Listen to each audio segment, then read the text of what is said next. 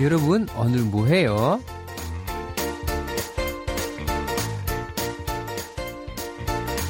Lagi ngapain nih? Mending kita berbagi cerita di Kepo dengan DJ Lodi. Nah, teman-teman, weekend ini adalah weekend yang emang spesial banget buat anak-anak SMA di Korea nih. Jadi aku yakin banyak banget di antara mereka yang sedang bersenang-senang tapi juga ada yang sedang bersedih nih. Ada apa gerangan? Mari kita bahas sesaat lagi hanya di Kepo. Aku akan buka Kepo episode hari ini dengan logo pertama Lodis Playlist nih. Kita mau dengerin langsung lagunya Pandit yaitu Dom.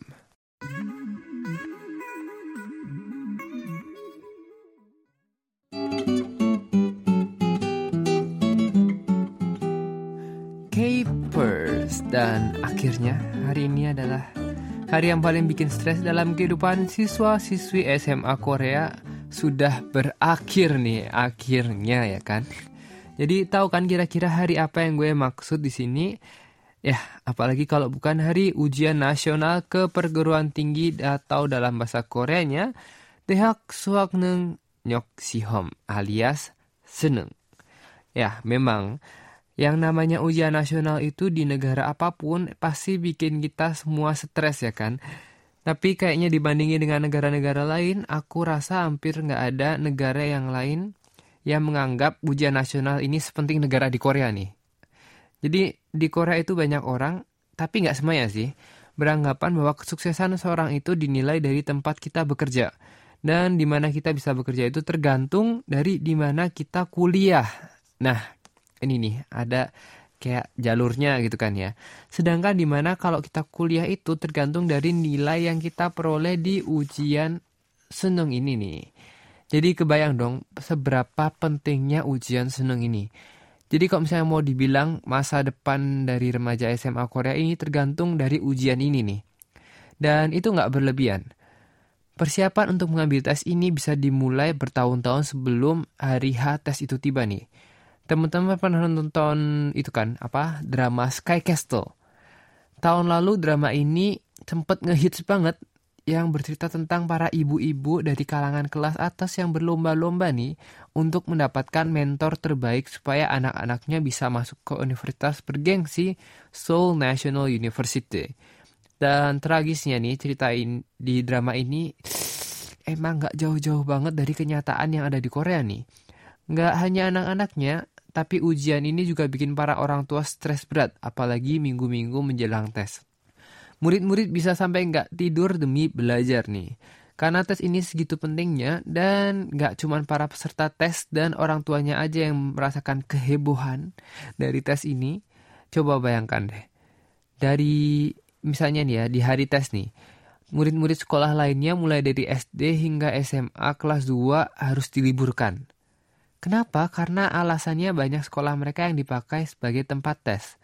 Dan selain itu, demi kelancaran pelaksanaan tes ini, para polisi penjaga keamanan sekolah diarahkan khusus untuk menjaga ketertiban di sekolah, mulai dari mengatur lalu lintas hingga memastikan murid-murid yang telat atau datang ke tempat tes yang salah bisa diantar langsung oleh para polisi secepat mungkin supaya nggak ketinggalan tesnya nih.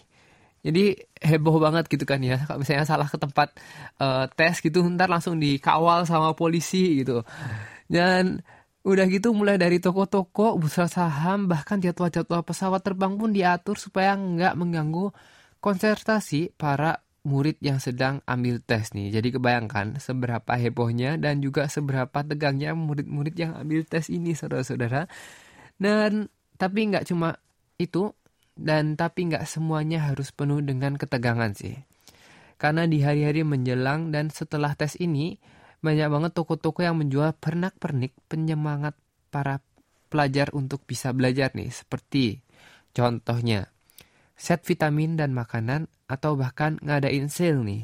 Sampai juga ini nih yang emang mantap sekali para idol dan juga selebritis Korea pun ikut menyemangati siswa-siswa supaya tesnya lulus. Karena beberapa dari mereka juga ada yang ambil tesnya tahun ini nih. Dan kayaknya ini udah menjadi tradisi seneng setiap tahunnya deh. Dan ngomong-ngomong soal tradisi, tradisi yang gak ketinggalan juga adalah ini nih, makan permen yot. Jadi permen yot ini adalah semacam permen gula-gula yang lengket di mulut supaya ujiannya nempel gitu tuh katanya. Dan itulah uh, istilah orang Korea yang artinya ujiannya lulus gitu kan ya. Dan berhubung weekend ini adalah weekend setelah ujian seneng, di jam ini banyak dari murid-murid SMA yang keluar nongkrong sampai malam karena akhirnya lega bisa melepas stres nih. Apalagi setelah ujian lebih banyak lagi nih event-event atau diskon khusus untuk para siswa yang udah ambil tes, yang udah menyelesaikan tesnya itu gitu. Mulai dari department store dengan sale baju-bajunya, bioskop sampai ke taman hiburan nih. Bahkan ada juga nih toko-toko yang kasih diskon kalau murid itu nunjukin kartu peserta seneng mereka. Sekarang tinggal menunggu hasil dan kelulusan sekolah nih. Jadi mudah-mudahan buat mereka yang sudah lulus bisa masuk ke universitas impian ya. Nah, menurut teman-teman gimana nih? Anggapan orang Korea tentang pentingnya ujian perguruan tinggi itu berlebihan gak sih? Atau malah bisa menjadi sesuatu yang bisa dicontoh kalau misalnya negaranya pingin maju seperti Korea. Hmm. Pastinya nih gue bakal tunggu pendapat kalian di postingan Instagram dan juga Facebook kita untuk minggu depan ya. Jangan lupa buat komen dan sekarang waktunya kita mau dengerin lagu nih. Aku mau puterin lagu dari Chong Daehyun yaitu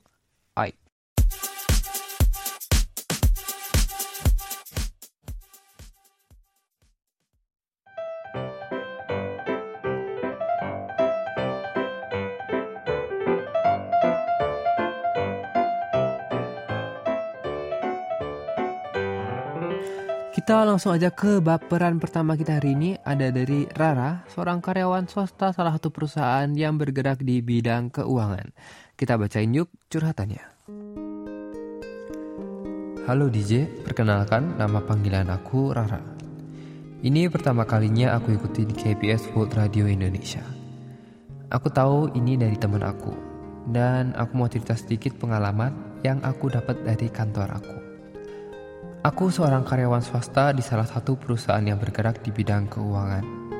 Ini pertama kalinya aku bekerja setelah aku lulus kuliah. Semuanya terasa seperti dari awal.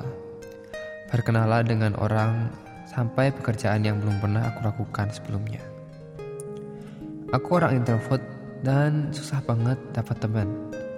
Saat aku bertemu orang yang cocok, aku akan langsung jadikan dia teman baik. Ternyata aku salah DJ. Benar kata mamaku dulu kalau misalnya kita jangan terlalu dekat sama orang. Karena kita nggak tahu kapan dia sakiti atau aku yang sakitin dia. Biasa aja kita berteman. Setelah tahu bagaimana sifat aslinya, aku mulai mengatur jarak kedekatan aku sama dia. Lalu aku mulai berteman dengan beberapa orang lainnya di kantor. Aku mulai menyapa dan tersenyum ketika aku berpasangan di jalan aku mulai membuka diri dengan yang lainnya DJ. Pengalaman yang paling pahit aku di kantor adalah dengan atasan aku. Dia orang yang paling aku hormati dan sayangi.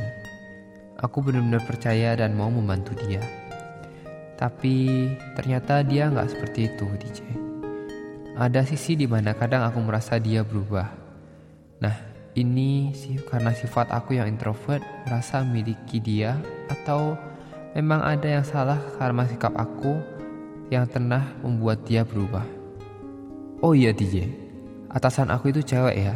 Maksudnya dia adalah orang yang aku sayang seperti kakak. Itu aja DJ cerita aku. Aku harap di mana pun kita berada, kita selalu bertemu dengan orang yang baik. Apalagi lingkungan kantor. Karena di sanalah rumah kedua kita. Kita menghabiskan hampir satu hari full di kantor dan itu terjadi selama lima hari dalam seminggu.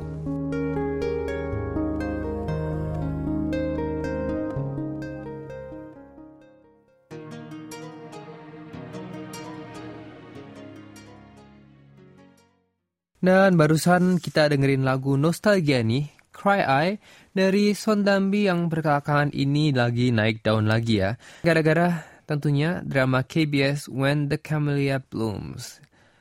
Nah, selamat buat Rara yang telah berhasil nih memasuki dunia pekerjaan yang artinya kita semakin dewasa dan juga semakin bertanggung jawab nih ya tentunya.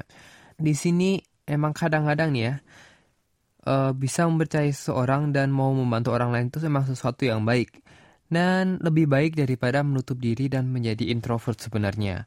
Tapi di sini Rara mungkin bisa mungkin ya analisa ulang persahabatan Lala dan juga bos Rara itu. Apakah Rara pikir dia berubah memang karena sikap Rara yang terlalu posesif atau memang sejak dari awal hubungannya sudah tidak seimbang? Mungkin Rara menaruh perhatian yang lebih besar dibandingkan dengan bos Rara. Hmm, itu mungkin bisa dipikirkan lagi. Soalnya kadang-kadang kita suka menyalahkan diri sendiri saat orang lain tidak menaruh perhatian pada kita.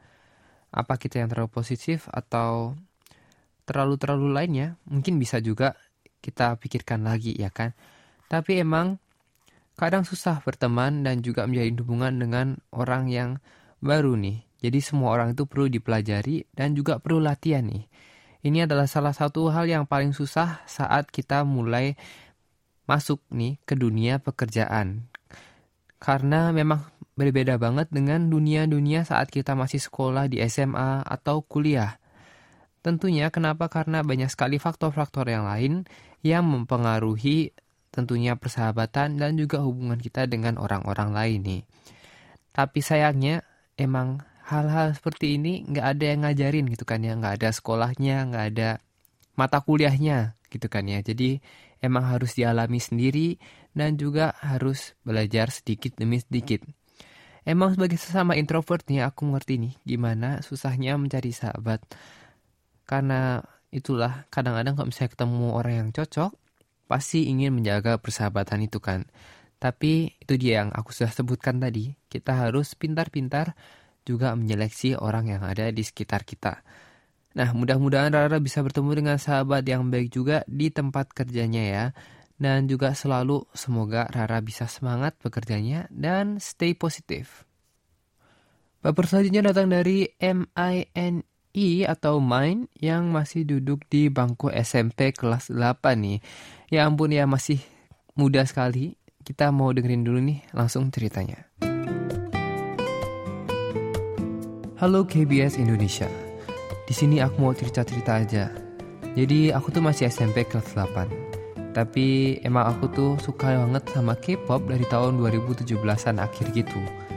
Aku sekarang suka banyak grup, mungkin bisa dibilang multi fan. Lebih nge-stand ke Big Hit pokoknya ya, seperti TXT sama BTS. Nah, kelas 8 ini aku lagi suka-sukanya sama drama segala macam kan. Kemudian aku jadi banyak ngepost tentang Korea gitu. Terus banyak banget yang suka bilang, ih Korea terus, boros jadi K-pop stand lu. Terus gitu, dan menghina-hina gitu tapi mereka bukan hanya mengejek-ngejek artisnya, tapi akunya juga. Ya, pokoknya cerita hari ini kayak gitu aja sih.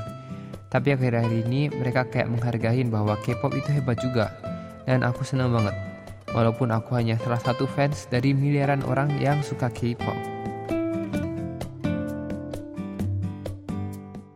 Terima kasih banget buat kamu yang udah mengungkapkan perasaannya di sini di Kepo bersama kita. Dan berhubung kamu fansnya Big Hit nih, aku mau puterin satu lagu dari TXT spesial buat kamu, yaitu Magic Island.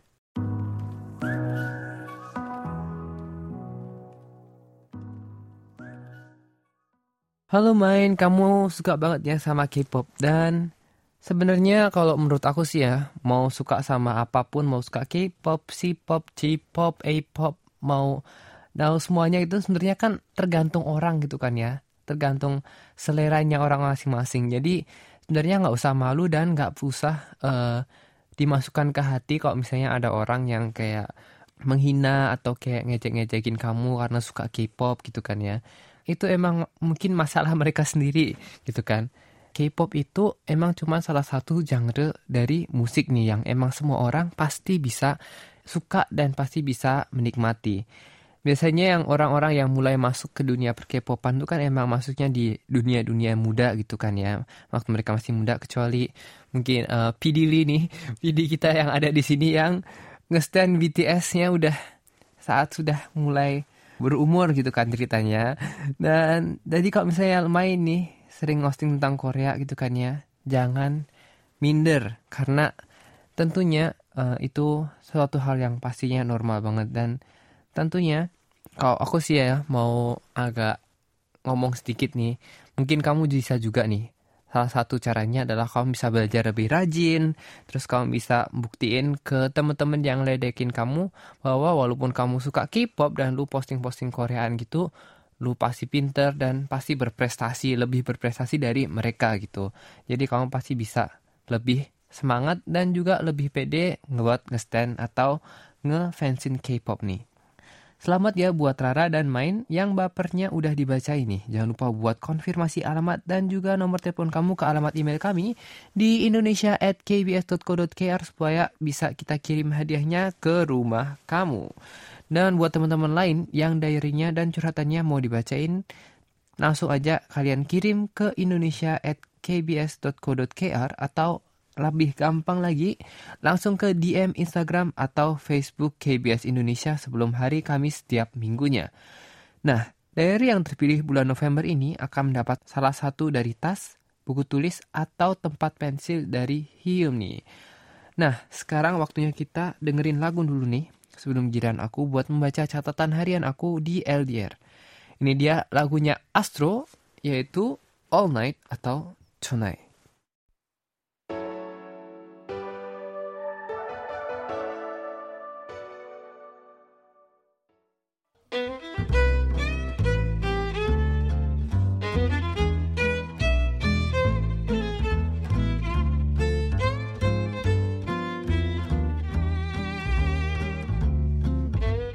Dear Diary Satu minggu berlalu dengan sangat cepat. Minggu ini sebenarnya ada banyak sekali yang harus aku lakukan Tapi sayangnya aku menghabiskan waktu minggu ini Untuk beristirahat karena jatuh sakit. Perasaan baru saja minggu kemarin aku bilang Aku sangat senang karena sudah mulai masuk musim gugur. Dan juga belum lama ini aku berharap supaya tidak sakit. Eh malah sakit. Ya kalau nggak bicara mungkin malah nggak sakit kali ya. Hehe. Tapi akhir minggu ini pun dilewatkan untuk periksa ke dokter dan juga mendapatkan infus. Sambil aku berbaring dan mendapatkan infus, aku pun berpikir dan juga kepikiran. Hmm, kalau semisalnya nih aku sakit dan aku masih ada di Indonesia. Kayaknya nggak mungkin sampai seperti ini sampai diinfus gitu kan ya kalau misalnya aku sampai di infus dan orang-orang sekitar tahu, dikirain sakit parah gitu. Tapi buat kalian semua yang belum tahu nih, kalau misalnya di Korea itu sebenarnya sudah banyak banget nih infus-infus seperti infus vitamin dan juga antibiotik yang bisa didapatkan dengan sangat mudah di rumah sakit-rumah sakit nih. Jadi emang kalau misalnya orang Korea itu kayak sakit demam dan seperti itu emang udah wajar banget untuk bisa mendapatkan infus supaya lebih cepat sembuh nih. Jadi jangan khawatir buat para pendengar, tapi ya itu emang sudah menjadi hal yang sangat normal di Korea. Tapi walaupun begitu, tetap sedih rasanya karena nggak bisa pergi-pergi nih. Jadi diam aja di rumah. Kenapa? Karena takut menularkan ke orang lain. Tapi untungnya sekarang sudah lebih baik dan juga semoga teman-teman semuanya bisa menjaga kesehatan juga. Jangan sampai sakit ya kan ya. Harus dicegah sebelum menjadi sakit. Onuto kuseng manaseo.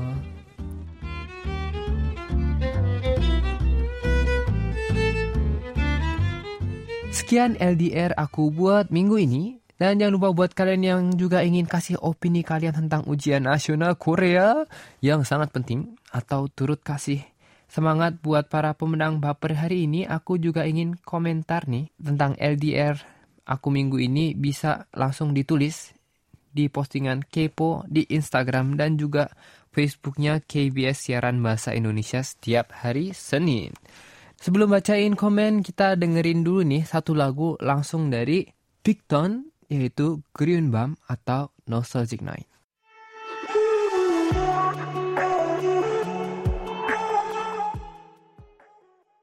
Ternyata kalian semua dengerin siaran Kepo minggu lalu ya, hehe. Soalnya emang kali ini komennya asik-asik banget, jadi mau langsung aja nih aku bacain buat kalian. Ini dari komen dari Fisti 0612 yaitu Halo DJ Lodi, kalau ingat musim gugur langsung teringat pas tahun kemarin ke Korea. Berharap ke sana bisa lihat hamparan daun warna orange tapi zong, karena terlalu cepat sampai sana. Daun-daun masih hijau merenteng.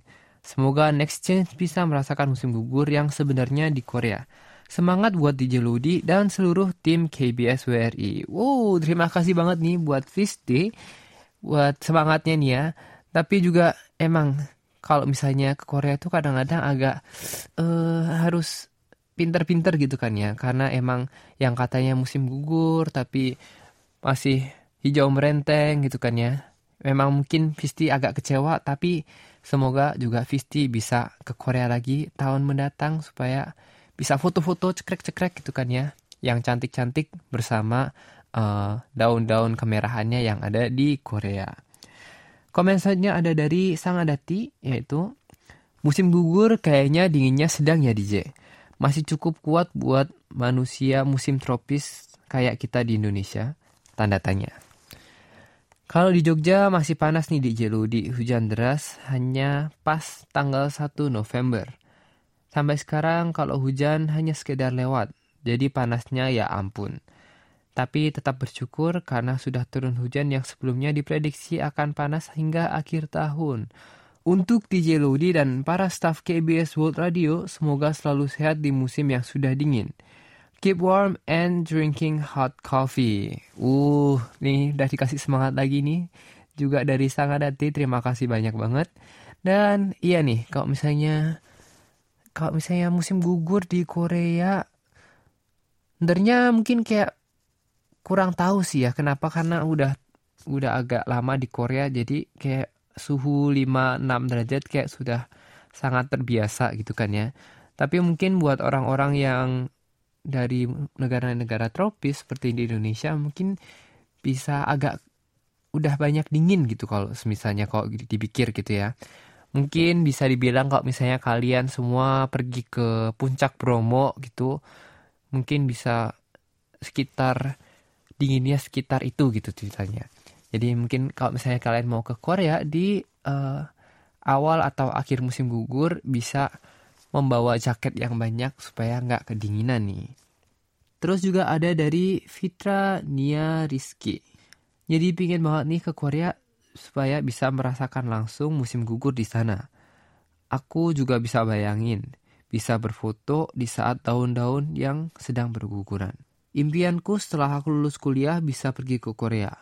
Doain ya di Jeludi supaya aku bisa mewujudkan keinginanku untuk bisa pergi Korea. Emoticon smiley. Yap. Terima kasih juga nih buat Fitra Nia Rizky yang udah ngomen di sini. Dan tentunya nih, pasti impian semua orang bisa buat langsung merasakan musim gugur di sini gitu kan ya. Bisa foto-foto sama daun yang berguguran. Kayak rasanya kayak sedang ada dalam drama gitu kan ya. Daunnya jatuh-jatuh terus itu cekrek-cekrek gitu kan.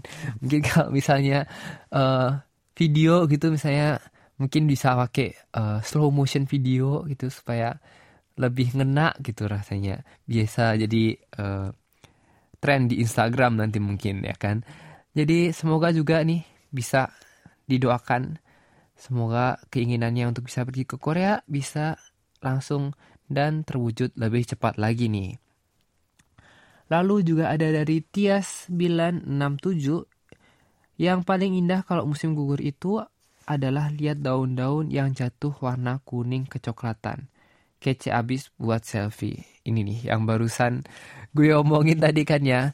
Instagram Gamsong atau Gamsong nih emang pas banget buat uh, di post kalau misalnya waktu musim gugur nih. Karena emang feelnya itu kan kayak uh, dapet banget ya kalau misalnya foto bareng-bareng sama daun-daun yang jatuh warna kuning kecoklatan gitu kan ya. Ya, semoga juga Tias 967 bisa juga ini foto-foto di Korea ya kan bersama dengan orang-orang lainnya. Terus ada dari Rifka Oshop 21. Aku numpang like aja ya, belum pernah Korea soalnya. Pasti ada musim yang ditunggu-tunggu di sana. Tentunya nih, karena emang kalau misalnya mau ngomongin musim di Korea nih, pasti banyak banget musim-musim yang bisa ditunggu karena setiap musimnya itu memiliki daya tariknya sendiri nih. Nah, semoga semua yang para pendengar yang setia bisa diberi kesempatan buat bisa ke Korea dan bisa menikmati musim-musim yang ada di Korea nih. Terima kasih banyak banget yang udah ninggalin komen kalian untuk Kepo minggu ini. Dan aku gak sabar banget buat dengerin opini kalian minggu depan tentunya. Buat yang udah kasih komen, kamsahamnida. Dan juga tentunya buat mengungkapkan rasa terima kasih aku, aku mau puterin satu lagu buat kalian. Satu lagu nostalgia tahun 2011 dari Infinite, yaitu Neko Haja atau Be Mine.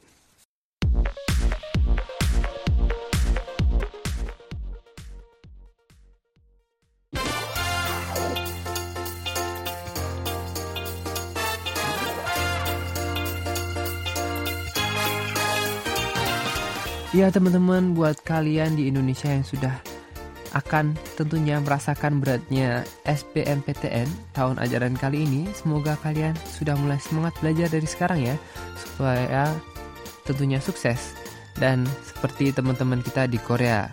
Nah tapi tentunya jangan lupa istirahat yang cukup juga tapinya Dan juga makan yang banyak.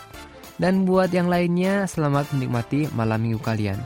Terima kasih atas kebersamaannya dan sampai jumpa besok di K-pop 101. 어느덧 수고했어요. 해피 위켄드 안녕.